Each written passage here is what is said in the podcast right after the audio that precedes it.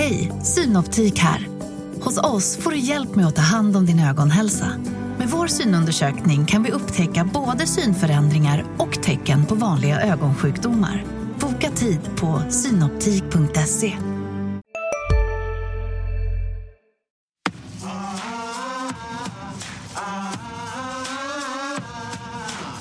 Det är fantastiskt liksom att vara hemma igen och, och det känns lite speciellt att spela här.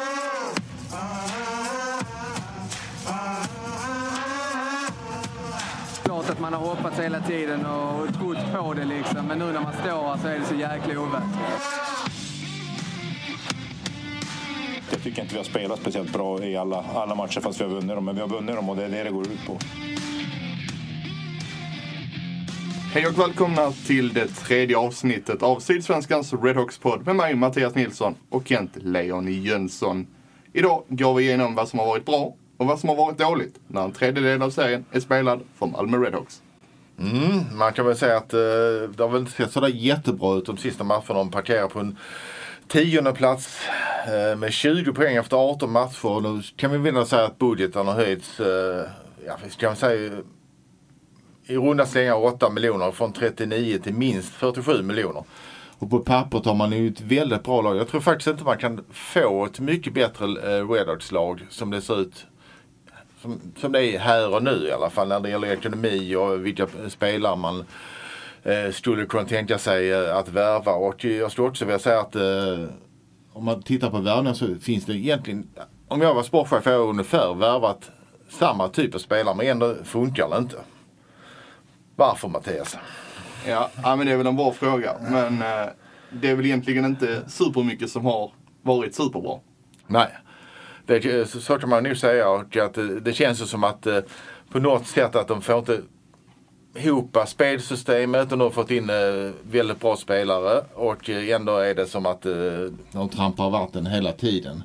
Och jag tror att lite så här i att det är också en hierarkifråga. De har fått in bra spelare som har fyllt på och eh, de här spelarna som kanske då ska ta på sig eh, vara lite av de här galärs, galärslavarna som bekämpar hårt och spelar 0-0. Ja, de är nästan utanför laget helt och hållet. Som, eh, finns säkert många som har olika åsikter om Bryggman, men jag tror att han gör en viss nytta. Johan Olofsson får lite speltid. Eh, och de här som var bröderna Westerholm och Emil Sylvegård som gjorde var den ledande tjänaren förra året. De har kommit en bit ner i hierarkin. Så jag tror att där har man lite problem faktiskt. Ja men precis. Frågan är ju liksom att sätta Lars Bryggman som extraspelare. Ja, han kanske. Men samtidigt, han har ju varit en viktig spelare i Redhawks-pusslet de senaste åren. Absolut, jag tror vi kommer få se snart att de kommer få ta en del obekväma beslut när det gäller spelarna. Att jag tror att man mer får spela de här eh, så kallade hårt jobbande spelarna och de här i mellanskiktet, skicklighetsnivåmässigt, de får ju antingen liksom tänka om helt och hållet. Så man får en tydligare hierarki med två producerande kedjor, förhoppningsvis då för laget, och två hårt jobbande kedjor. Och att eh, nu har man ju spelat någon slags vilda västern hockey där man tror att ah, vi kan bara ösa på framåt, eh, det ordnar sig ändå. Men riktigt så funkar det ju inte, trots allt. Nej, resultaten har ju varit allt annat än bra. Och tre segrar på de tio senaste matcherna är ju långt ifrån godkänt med Redhawks l- lagbygge. Absolut, och jag tror också det här att eh, eh, som jag var inne på tidigare, det här laget är, på pappret väldigt bra och eh, alla pusselbitarna finns. Men det ändå fungerar det inte. Och sen kommer man in på, ja, vi har ju varit inne på det tidigare också, det är just det här med att att nu har de redan undersökt lite det här med Joakim Fagervall om han är intresserad av en förlängning. Eh, men ska man avvakta, vad tycker du Mattias?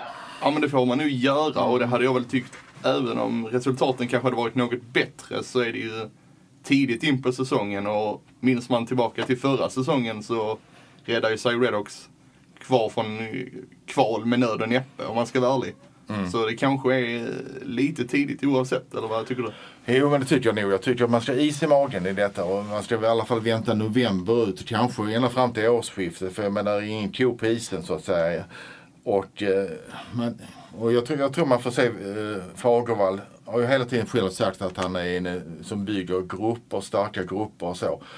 Men det handlar ju också om att få spelsystem som alla accepterar. Det har ju bortförklaringarna de senaste matcherna varit att eh, om vi säger så här, de går från en bra match mot Frölunda.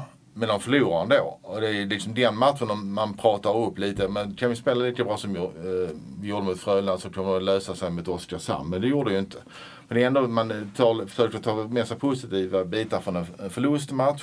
Och tittar man på de här lagen som Frölunda, Växjö och sånt. Hur spelar de? De har väl minst lika skickligt lag som Malmö. De ligger lite avvaktar, väntar på motståndarnas misstag. Och det, det har man inte riktigt känslan med, med Redarts utan de öser på framåt och hoppas på det bästa. Och har väl, jag tror, jag tittar igenom statistiken, de är väl så tionde, elfte plats när det gäller liksom eh, skott i förhållande, alltså effektiviteten framför mål. I förhållande till vad de skjuter så får de ut väldigt lite. Ja men precis, de skjuter ju och skjuter och skjuter men mm. mål blir det liksom inte. Nej. Och, eh, och det har ju ändå varit så att eh, nu har vi ändå sett en del förändringar i truppen. Peja har väl kommit in, Händemark kom ju först. Eh, och då förändras ju hela eh, själva lagbygget, eh, själva hierarkin och rangordningen i laget och det gäller att hitta nya roller till de här spelarna. Och till syvende och sist så är det ju så att eh, det är ju tränaren som sätter ett spelsystem och det ska man ju följa.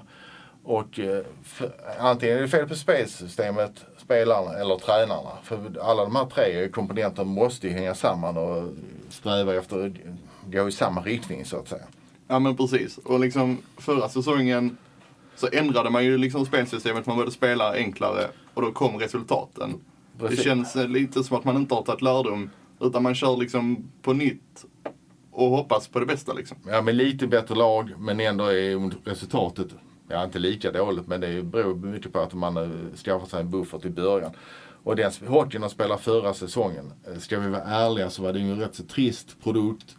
Eh, där, det kändes som många av uppspelen var slagskott i runden. Eh, ja, nu hårdrar jag det lite. Men eh, det var ju också, byggde mycket på att, man utan Oskar Alsefelt, han inte han stått på huvudet så hade de ju knappast klarat sig kvar, tror inte jag i alla fall. Nej men så är det ju och då har ju ändå liksom inte målvakterna varit mm. det största problemet den här säsongen. Absolut inte.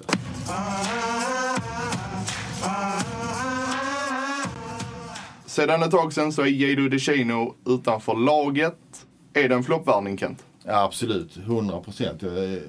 Men jag vet också att de sökte en högerskytt. De, de har ju sagt, sa så hela tiden under processen att vi ska ha en, vi vill följa exakt eh, den planen vi har gjort och den sista pusselbiten i detta var ju en högerskytt. Men eh, jag tror att man hade mer tänkt sig en eh, en högerskytt som är målgörare. Han är mest en passare. Det, är bara att titta på statistiken. Uh, Jado Deschanel har ju, han är en skicklig spelare men jag tycker hans han kom, in, han kom in fel i det helt enkelt och kanske kom in med, han kom helt matchfrostig hit uh, och det kändes lite, undrar om uh, Patrik Stuvergård har gjort en värvning om han vetat att både Händemark och Peja vill vara nära. Men det, det är en typisk, du gör alltid någon sån här missar per säsong. Det är alltid någon spelare som får bytas ut. Men det är klart, det kostar ju ändå ett par x antal hundratusentals kronor. Mm. Men tror du att DeChino liksom var en lite panikvärvning ändå med tanke på att det aldrig blev något med PRV i början? Kanske, kanske, kanske inte. Men äh, återigen, just i det fallet kanske man ska haft lite is i magen. Det, det kan man väl säga. Men äh, det är lätt att vara efterklok. Men äh, som sagt, att man gör en sportchef sätter man tre av fem värvningar så får man nog vara nöjd. Ungefär så. Ja men precis. Så när vi ändå är inne på, på laget och truppen så kan vi ta det lagdel för lagdel om vi börjar med målvakterna då. Ja vad ska man säga om målvakter? Man har varit väldigt eh, bortskämd med oerhört starka målvaktsinsatser av alltså första målvakten. Nu har vi, jag vet att vi hade Oskar Alsenfelt här som gäst för, för någon vecka sedan och han, eh, han gillar inte det här man pratar om räddningsprocent. Men jag ty tycker ändå det är det bästa mä, eh, mätverktyget. Han har 84,40 procent. Eh, Marmelin bara efter fem matcher. Marmelin har spelat 13 matcher och räddningsprocent på 89,62. Eh, Alsenfelt brukar faktiskt ligga på 91-92 och det är svårt att vara i någon toppstrid om, eller egentligen topp 6 om man har den typen av räddningsprocent. Men det är väl också så kan man säga att målvaktsspelet hänger ihop med försvarsspelet. Och eh, jag har sällan sett ett Malmölag de senaste åren där få spelare har varit i den berömda skottlinjen, alltså täckt skott eller förhindrat skott som man sett den här säsongen. Det är många skott utifrån där spelarna bara får dela in pucken och det har varit en fri bana och så har det dykt upp någon som har skymt eh, framför mål. Så en hel del av målen sett ut. Uh, ja, vem, jag tycker, vem tycker du är första målvakt Mattias? Ja men alltså man får väl ändå, eller man, jag kan väl tycka att det är väl Oskar Alsenfelt ändå med, eh, med hans rutin och erfarenhet. Han har ju liksom eh, varit Redhawks absolut viktigaste spelare de senaste säsongerna. Eh, men Daniel Marmelind har ju inte, han har ju absolut inte gjort det dåligt, tvärtom. Eh, men eh, han, är, han är rätt så ung och han har inte den här erfarenheten. Men samtidigt om det visar sig om någon månad att det är han som har bäst räddningsprocent, ja då är det väl han som ska stå också tänker jag. Mm. Lite så. Jag, jag, tyckte också nu senast att efter Frölunda-matchen där eh, Alsefelt släppte in ett mål. Jag tyckte det var lite konstigt att byta målvakt till, eh, till Men det är ju i och för sig det är bara en liten detalj i, i det stora sammanhanget. De har säkert en plan för hur de ska matcha målvakten. Men jag tycker ändå att Alsefelt kändes på gång. Jag hade nog kört honom en match till. Men eh, ja, det är bara tre poäng hit och dit. Men i det läget de är just nu så känns det som rätt så avgörande. Om vi går vidare till backsidan som är mer balanserad än förra säsongen. Vem har stuckit ut extra där Kent? Jag, jag tycker uh, Joakim Ryan har, har, faktiskt varit han har gjort ungefär allt vad jag kunde förvänta mig av honom. Han har gjort poäng och sånt men sen är han ju inte liksom världens uh, kanske bäst i egen zon. Han är inte dålig heller, man är duktig, driver spelet, uh, bra passar, mycket bra skridskoåkare. Sen tycker jag att han har gjort 11 poäng, 2 plus 9. Uh, och sen då tycker jag också att det, där kan man se en tydlig rangordning här. Liksom att, uh, och, eh, uh, därefter så har vi Olas Mattsson på 6 poäng och Marcus Larsson också på 6 poäng. Uh, jag tycker nog att de tre backarna tycker jag har varit bäst. Jag tycker ändå att Olas Mattsson och Marcus Larsson är de två liksom som både eh, har fysiken och spelskickligheten. Eh, Jag tycker hela tiden att man borde kunna få ut mer av Marcus Larsson som ändå är eh, Danmarks ledande back just nu kan man väl säga. Var så i OS-kvalet i alla fall.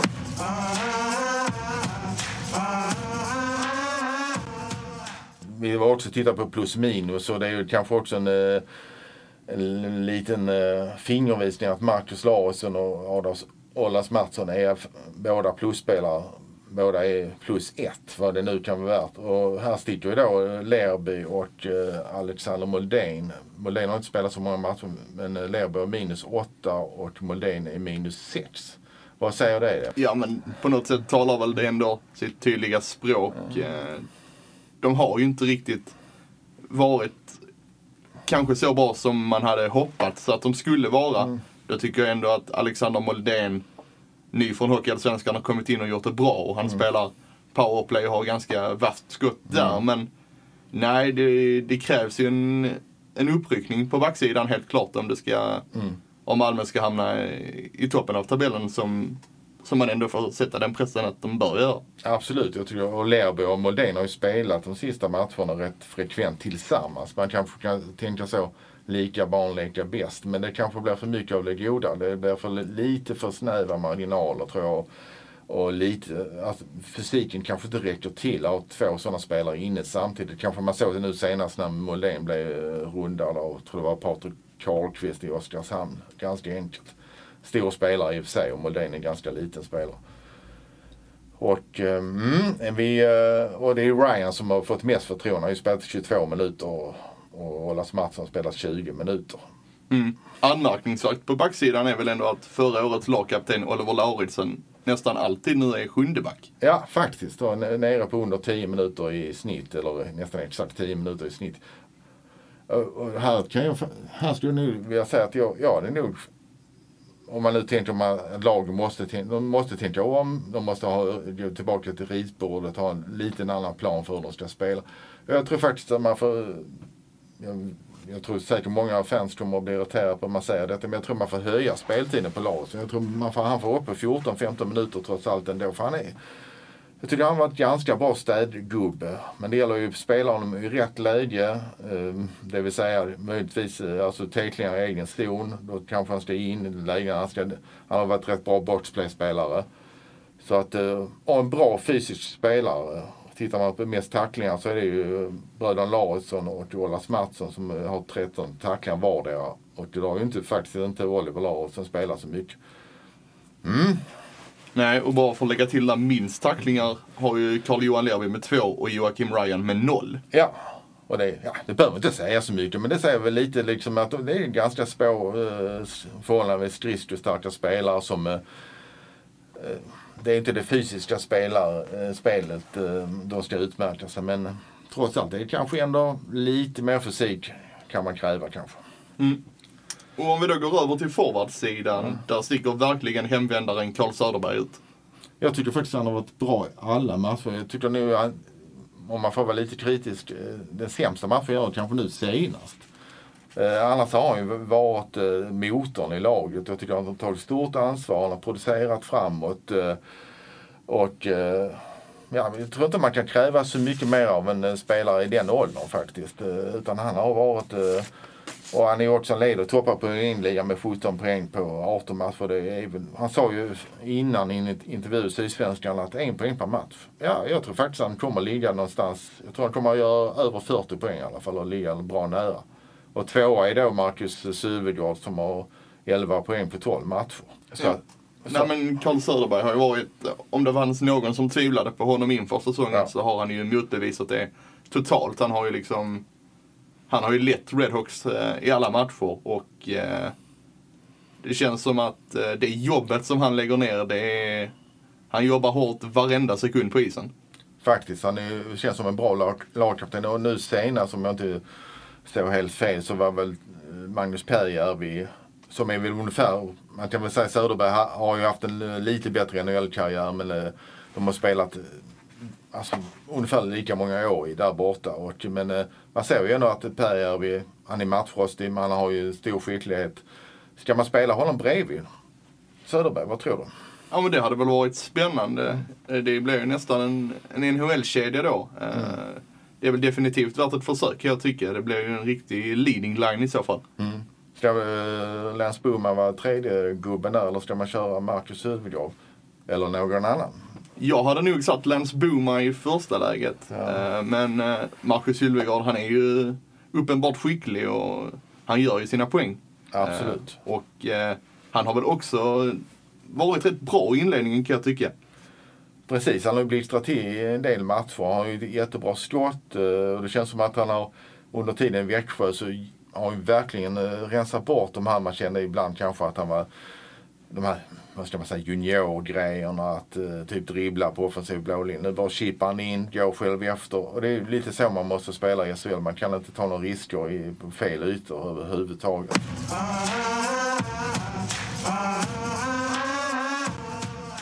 Om vi då tittar på bäst och sämst plus minus bland forwardsen så är det ju Carl Söderberg på 3 och Lance Boman på 2 plus som är i toppen. Och på minusstatistiken är det mindre roligt för Lars Bryggman och Johan Olofsson som har minus 8 vardera.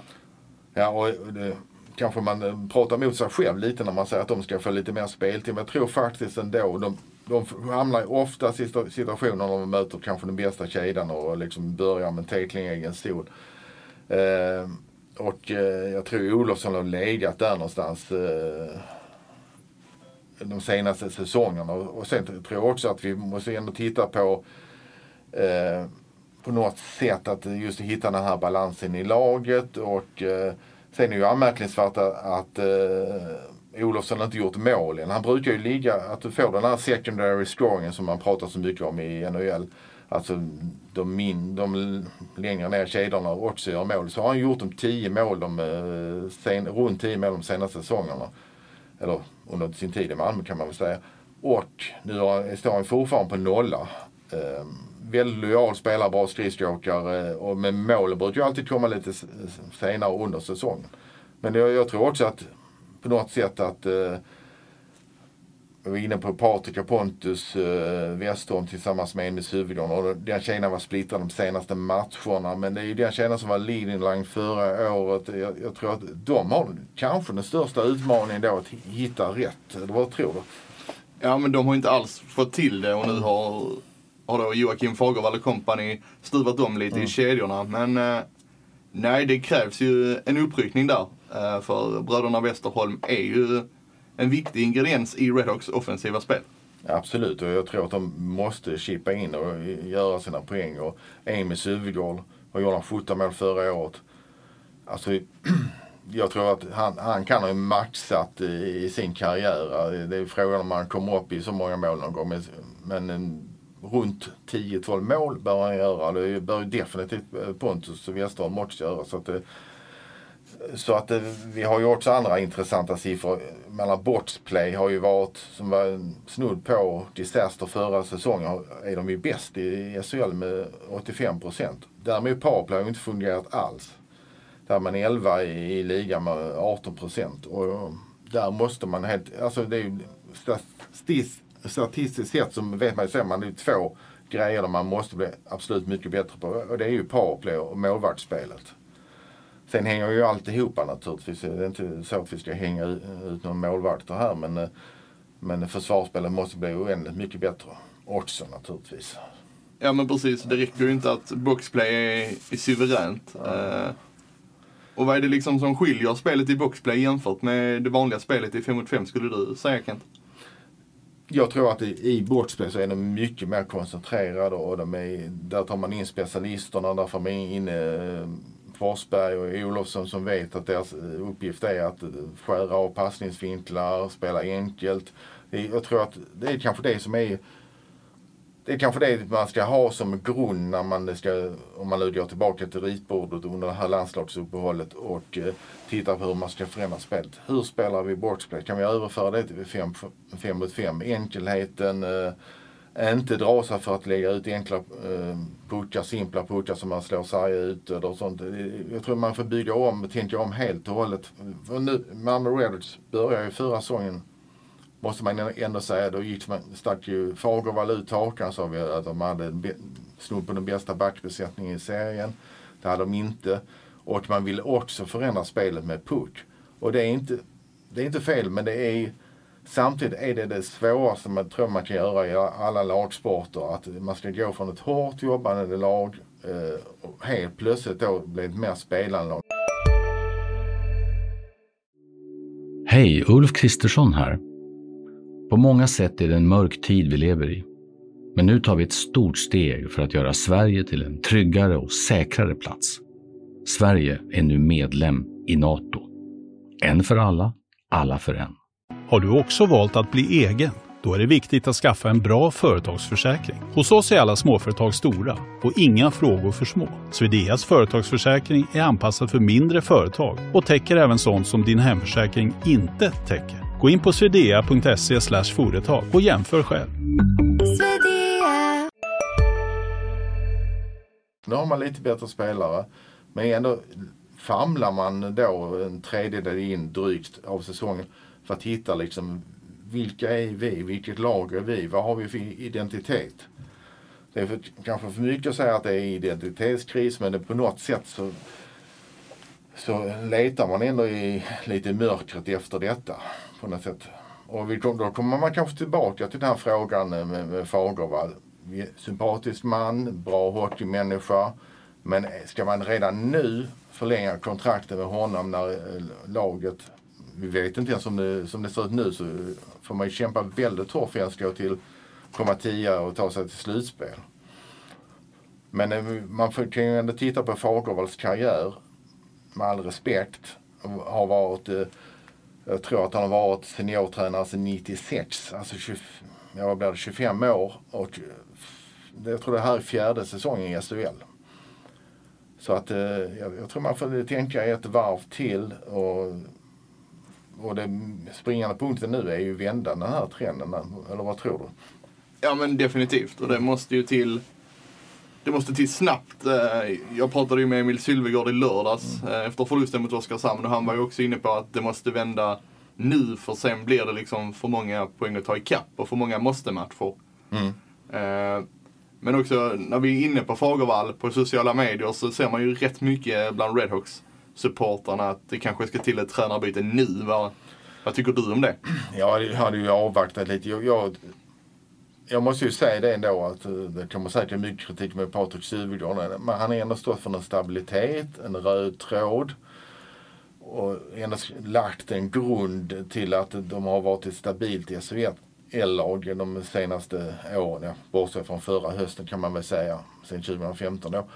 Och eh, jag hade ju också även där, jag hade, jag hade inte förlängt med honom inom, inom det närmaste. Även om jag, som jag sa innan, jag vet att det är det säger att det är mycket nära en förlängning. Jag har, inte, eller jag har avvaktat men samtidigt så vet du inte.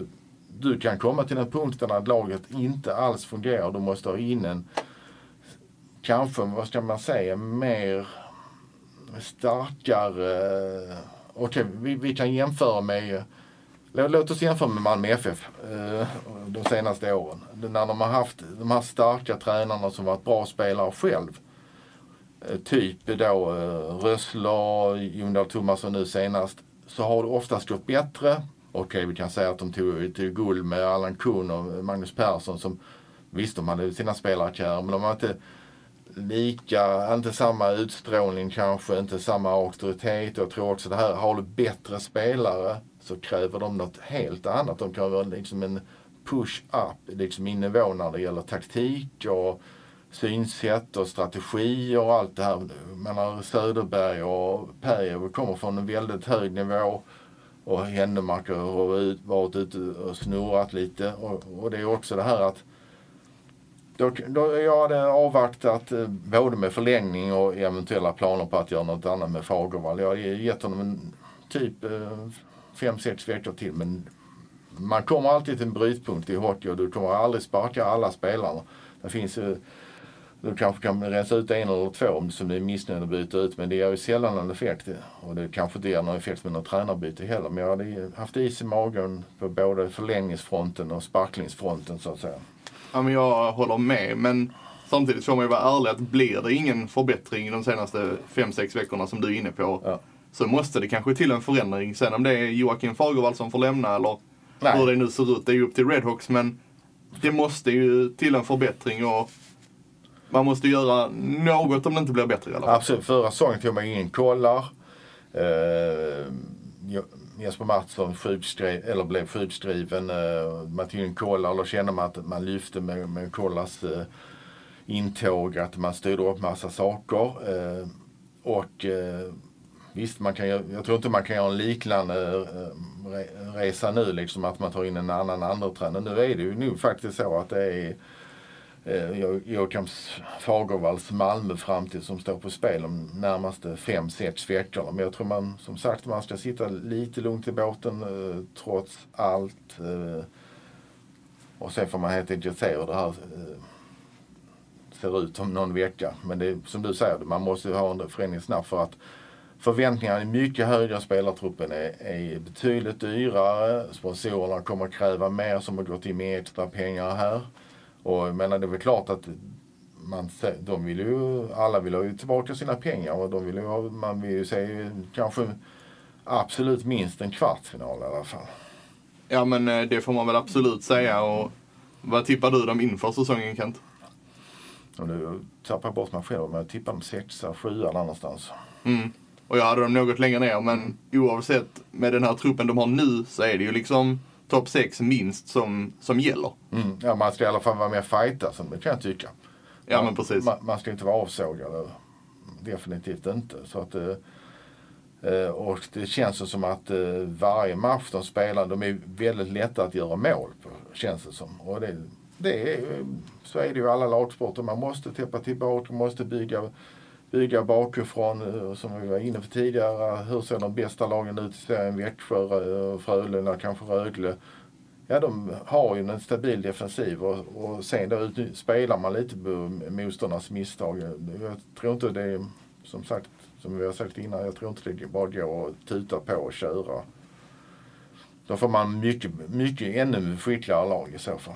Mm. Ja, men Redhawks måste väl börja spela som eh, den gamla stortränaren Timo Lahtinen sa äckligt disciplinerat. Ja, faktiskt i alla faser av spelet på något sätt. Jag menar, då spelar du äckligt disciplinerat när du hade liksom eh, skulle värva ihop motsvarande lag som de hade i början av 90-talet. Jag hade ju inte räckt med en spelarbudget på strax 150 miljoner. Jag var uppe på liksom 80-90 miljoner. Ändå spelar man eh, lite på motståndarnas misstag även då. Liksom.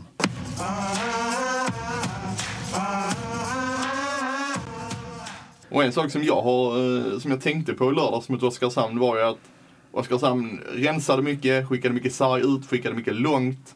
Jämfört med Redhawks som jag upplever det den här säsongen har spelat fast sig själva rätt mycket i egen zon. Ja, faktiskt lite överkonstruktivt eh, egen zon och spelare som kanske inte är sådär eh, superskickliga på eh, just eh, spela, vad ska man säga, lite smånigt i egen zon. Ska ändå göra det. Och jag menar, tittar man på de här eh, det är ju enkelheten som är det svåra. Men tittar man på de här stora svenska backarna, typ Niklas Lidström och sånt. Hur spelar de? Ja, de spelar liksom enkel puck, snabbt ut ur zon. Och sen får man ju liksom vara konstruktiv mer i, i motståndarnas zon i så fall. Men jag, jag tycker ändå inte att de har ett lag som ska spela så. Jag tycker de, de är ett tungt lag. De ska utnyttja att de är, eh, får mer trafik framför kassen när de väl tar sig in i motståndarzonen. Och spela lite på, mer på sin fysik och inte tror man är liksom någon Allan Ballan som ska eh, lira dribbla överallt. Ja men precis, och i ärlighetens namn så är det ju i offensiven som Redhawks har det tunga artilleriet och inte i defensiven. Ja, men man ska ta sig dit oskadd också utan att ha släppt in en billig bakgrängsmål. Och det, är, det är lite så man får jobba tror jag. Och lägligt för Redhawks så är vi mitt uppe i ett landslagsuppehåll nu, eller mitt uppe, det har precis börjat. Nästa match för Redhawks är borta mot Färjestad den 18 november. Vilken version av Redhawks får vi se då Kent? Jag, jag tror att ja, för deras eget bästa så tror jag man har eh, lagt upp en helt ny strategi, eller ny gammal strategi, som vi vi varit inne på tidigare. Man går tillbaka till grunderna. Man måste, alla måste liksom köpa in på ett spelsystem som fungerar. Allting måste förenklas. Och det krävs betydligt mer uppoffrande spel om man ska ha någon eh, chans överhuvudtaget att röra sig tabellen tror jag. Ja, det känns som att uppehållet kommer lägligt. Eh, Laget får chans att snacka ihop sig, och titta lite på video och liksom förbättra eh, många punkter, både defensiven och offensiven. Och samtidigt kanske jobba igång vissa spelare som varit rätt kalla. Absolut. Och sen tror jag också det, man får kanske jobba på själva gruppdynamiken också. Nu har det, vi som betraktar utifrån kan ju säga att det har ju starka personligheter i Hennemark, Söderberg definitivt, Alsenfelt, eh, Emil Sylvegård, säkert Lance Booma som säkert är ja, mycket synpunkter. De måste sätta sig ner och dra åt samma håll. Och, och de har ju, brukar berömma sig själva för att de har högt i ribban, eller lagt ribban högt eller högt i tak. Så, nu sa jag fel där lite. Men att man har högt i tak i omklädningsrummet. Och, och då ska man ju också kunna, men det viktigaste när man har högt i tak är att laget går åt samma håll. Hela tiden. Att man är överens om eh, färdriktningen att, naturligtvis och hur man ska ta sig dit. Ja men precis. Det är ju liksom första säsongen på ett rätt långt tag där Redhawks har så många, inom citationstecken, stjärnspelare i laget. Klubben kanske inte var förberedd på det här inför säsongen. Nej, kanske inte. Alltså, det, menar eh, att både få Söderberg och Pääjärvi. Men vi får inte heller glömma bort att Pääjärvi och Söderberg, definitivt Pääjärvi, om vi nu bortser från hans två säsonger i Ryssland, har ju varit en rollspelare som har jobbat stenhårt varje byte. Och det är ju Söderberg har varit en tredje center som också fått jobba stenhårt för att behålla sin tröja och behålla sin plats. Visserligen snittat en halv poäng per match och det är jättebra eh, sett till förutsättningarna. Eh, men jag tror att nu ska de också vara lite sådär att de ska vara, eh, stå för det kreativa, det offensiva. Men jag kan inte säga något annat än att jag tycker att Söderberg har jobbat väldigt hårt under matcherna. Och Lance Booma, visst han spelar många NHL-matcher men trots allt är han ju han ser lite kantig ut, eh, men det behöver inte vara något dåligt. Men han jobbar hårt och han, jag tror att han är den som tacklar mest i, i laget. Det fysiska spelet, starkt längs sargerna.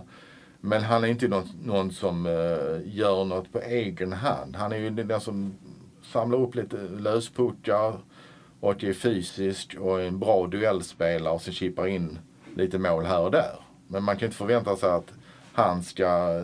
Han är en eh, superstjärna som rollspelare om ni förstår mig rätt. Men inte som han är inte, eh, skicklighetsnivån är inte på den, riktigt på den nivån att han är, han är ingen Ryan Lash eller uh, någonting åt det hållet precis. Nej, och när vi ändå är inne Carl Söderberg. Han var ju uttagen till Tre Kronor nu i landslagsuppehållet Mm. men valde att tacka nej. Och det är väl ändå ett kvitto på att han har kommit tillbaka till Red också och gjort det fantastiskt bra. Jag tycker absolut. Eh, Och jag hade kanske också, om jag varit landslagstränare, kanske funderat lite på uh, Joakim Bryan. Jag vet inte riktigt, för han fick ju inte lov att spela junior-VM tror jag det var. Uh, hur det är lite med hans svenska, amerikanska eller dubbelpass. Hur det, hur det funkar där i förhållande till internationella hockeyförbundet. Men eh, jag tycker att Carl Söderberg har ju visat att han är en eh, toppcenter i den här li eh, ligan. Och man kan bara titta på Joel Lundqvist som kan spela många år till. Och då tycker jag ändå Carl Söderberg är en skickligare spelare med pucken. Eller skickligare som spelare, så att säga. Men kanske inte har Joel Lundqvists fysiska egenskaper riktigt.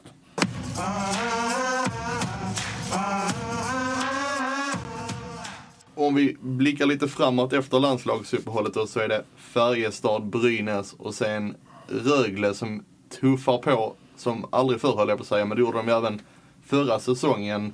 Det krävs en eh, rätt bra start från Redhawks direkt. Precis, och det känns ju som Brynäs i alla fall. Är, det, det är som också med Färjestad gått lite sådär. Jag tror att det med Färjestad i Karlstad.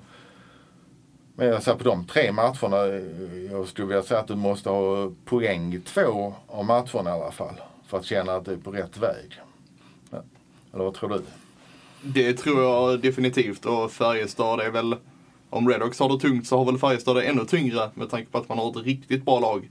Absolut. Eh, men inte alls heller har fått till det. Nej. Men eh, Brynäs ska Redhawks vara eh, där uppe och slåss med topp 6 så kan jag väl tycka att Brynäs ska man slå. Ja, Eh, Men eh, sen är det ju i svenska hockeyligan är det ju ingen match som är lätt. Och lätt blir det ju definitivt inte mot Rögle hemma i arenan heller. Nej, men jag tror det är li- lite så att de här, eh, vad ska jag säga, äldre spelarna som har sitt ursprung i Malmö, typ Söderberg och Perjärvi, Emil Sylvegård och sånt, de kommer ju liksom höja nivån verkligen i den matchen. Men samtidigt så går det inte bara att de måste få en trend som varar lite grann också. De, i den fasen de är nu, nu behöver de ju vinna eller ta poäng i tre, fyra matcher på raken. De behöver ju pricka in eh, kanske poängmatcher i sju, sex eller sju av tio närmaste. För annars kommer de få hur jobbigt som helst. Mm. Och det är ju lätt att börjar det, börjar det dåligt så är det ju lätt att man tappar huvudet lite och att det går ännu sämre. Ja, och då, och då får man kanske riva upp alla planer. Mm, vi var inne på Fagervall tidigare och eventuell förlängning. Det, och det kommer att vara ett styrelsebeslut. Eh, det, det är det de har sagt, att det tränarfrågan är ett styrelsebeslut. Och jag tror att då kommer, jag, då kommer det pressas från alla håll och kanter. Alla eh, större sponsorer kommer säkert, eh, en del av dem sitter väl i, i styrelsen eller nära styrelsen, de kommer ju höra av sig. Så att eh, Fagervall är definitivt under press, det måste man säga. Ja men verkligen. Och för att sammanfatta Redhawks läge nu så är det ju liksom, det har varit inte så bra. Det krävs betydligt bättre, annars kan det gå illa. Absolut, det tror jag. Det är, nu tror jag att eh, Timrå kanske är en räddningsplanka men eh, det är trots allt ett, ett lag som ska komma på eh, 13 plats också. Och eh, Djurgården med Eklund tillbaka från San Jose. Eh, kanske en topp fem spelare i den här ligan definitivt. Det är han ju. förmodligen. kanske etta i ligan i skicklighetsnivå. Eh, de kommer, jag tror de kommer ju eh, börja samla poäng faktiskt. Så att eh, de kommer underifrån. Så det gäller ju bara att, att hitta den här vinnande trenden igen. Hitta sig själva. Hitta, hitta det låter som en klyscha men titta sig i spegeln och hitta den här eh, fungerande spelmodellen. För jag tror trots allt alla de här eh, ganska namnkunniga spelarna så, så kan de inte spela den här sorglösa offensiva hockeyn som de håller på med nu där med tappade puckar över hela isen. Det kommer inte funka. Nej, verkligen inte. Och när vi ändå är inne på resultaten så hänger det ju ändå ihop med publiksiffran och publiken i arenan. Jag fick eh, någonting på sociala medier att det är för lite folk på Redhawks matcher. Eh, håller du med där Kent? Absolut, men så har det ju varit i många år. Eh, och jag vet inte hur man ska vända den trenden. Nu har man ju faktiskt på pappret och det och Redhawks har väl slagit på trumman för detta att man har ju ett namnkunnigt lag men så länge men ingen vill gå och följa ett lag som är eh, halvrisiga där, det där varje match är lotteri om du ska gå därifrån kanske lite nedstämd och förbannad efter eh, en onödig förlust på hemmaplan. Det, det, det, så funkar det inte helt enkelt. Och, men eh, Redhawks har ju sin kärnpublik. De kunde spela till bottenlag i eh, allsvenskan. Jag tror ändå de har samlat in 2 500-3 000 och kanske var de än hade spelat. Även om de spelar på isstadion, men det kommer de inte göra. Men eh, om de hade gjort det så hade de samlat den här publiken eh, som är oerhört lojal. Men sen gäller det att få de här extra åskådarna och det har de jättesvårt för att hitta. Och jag tror Malmö har blivit ännu mer fotbollsstad. Eh, dessvärre ur, ur eh, Redox eh, synvinkel naturligtvis. Men så är det nog. Ja men så är det ju. MFF är ju oslagbara när det gäller sportsliga framgångar och även handbollen och innebandyn har det ju, har det ju tufft med publik i Malmö. Men samtidigt är det ju så att når man inga sportsliga resultat inom hockeyn så kommer inte folket komma dit heller. När det närmar sig slutspel så stiger ju ofta publiksiffran och trycket i arenan därmed. Absolut, och man får alltid man kan bara vi kan titta tillbaka på oktober och november. Eh, särskilt de åren MFF har varit i Champions League eller Europa League då har publiksiffrorna varit ganska risiga. Och sen är det säkert en del av de som gillar fotboll. Vi får inte glömma bort att även om de har 15-20 000 på sina matcher så är det väldigt många som sitter hemma, även på hemmamatcherna och kollar dem via TV. Så att en del av dem kanske skulle kunna tänka sig, det matcher krockar ju också, så att eh, skulle nog tänka sig göra de här ströbesöken, eh, två, tre matcher per säsong. Det är nog många som ser eh, hålla den eh, kvoten på något sätt. Men de går ju bara dit om det är något intressant, om det är lite drag i hockeyn. Ja men precis. Men finns det något, förutom den sportsliga, det rent sportsliga, som Redhawks skulle kunna göra för att locka dit fler folk? Ja, det är oerhört svårt att säga, men de har ju försökt med, med olika saker och, eh, för att hitta en ny publik. Jag, jag tror faktiskt som eh, som läget är nu så tror jag det kan vara rätt svårt. Jag tror man får jobba på sikt och försöka vinna de åskarna. Jag tror också, har man väl lockat dit dem så tror jag många blir eh, fast direkt också. För att eh, hockey trots allt är ju en sport där det händer mycket och det, är, det kan vara rätt roligt att gå på arenan. Det är, det är ett evenemang som är, det är ju inte lika mycket publikmässigt som det är inte samma fest på MFFs matcher men det är ändå soft att sitta där och det är en sport där det är, action och det är lite tacklingar och sånt. Men då måste man också som lag visa att man ger 100% i varje match. Ja, visst, man kan ju säga att vi gör, alla professionella idrottsmän ger 100% men det ska ju synas upp i läktaren i så fall också. Det ska ju synas eh, den här svetten, den här eh, intensiteten och sånt. Den ska ju spegla av sig och liksom verkligen pingponga upp i läktaren. Mm. Och när vi ändå pratar publiken så ska ju publiken i arenan i slutet av november få se Malmö Redhawks guldlag möta Rögles veteraner. Du som var med på den tiden Kent, hur eh, blir det att återuppleva det? Alltså det blir ju en eh, nostalgikick för många och sen eh, själva hockeyn. Eh, det, jag har ju sett några matcher här med, eller en match med Robert Borkowski i Pantern i division 3. Eh, och han är fortfarande jätteskicklig med klubban och eh, pucken och kan fortfarande skjuta stenhårt och allt det här och jättefin speluppfattning. Men, eh, men jag tror ju ändå att eh, det, ska vi säga, det blir ju en stor, själva produkten på isen, själva matchen är inte så rolig. Det är mest eh, happening och sammankomst och se de här gamla gubbarna eh, lira om man får lov att säga så. Men eh, ja, jag tror inte man blir eh, chockad över det höga tempot i alla fall. Inget skönspel med andra ord? Skönspel och kombinationer kommer säkert vara. Eh, där finns ju eh, man, Mats Näslund är en av Sveriges bästa spelare genom tiderna.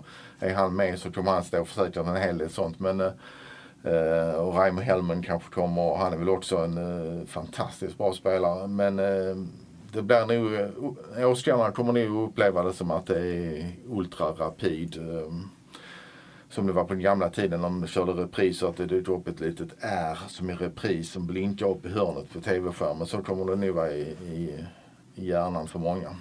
Att det kommer gå långsamt. Men eh, det kommer att vara roligt.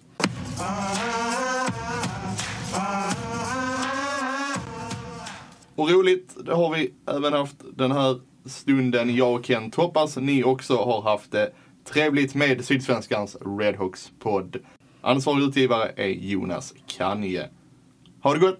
Ha det gott, hej då, hej.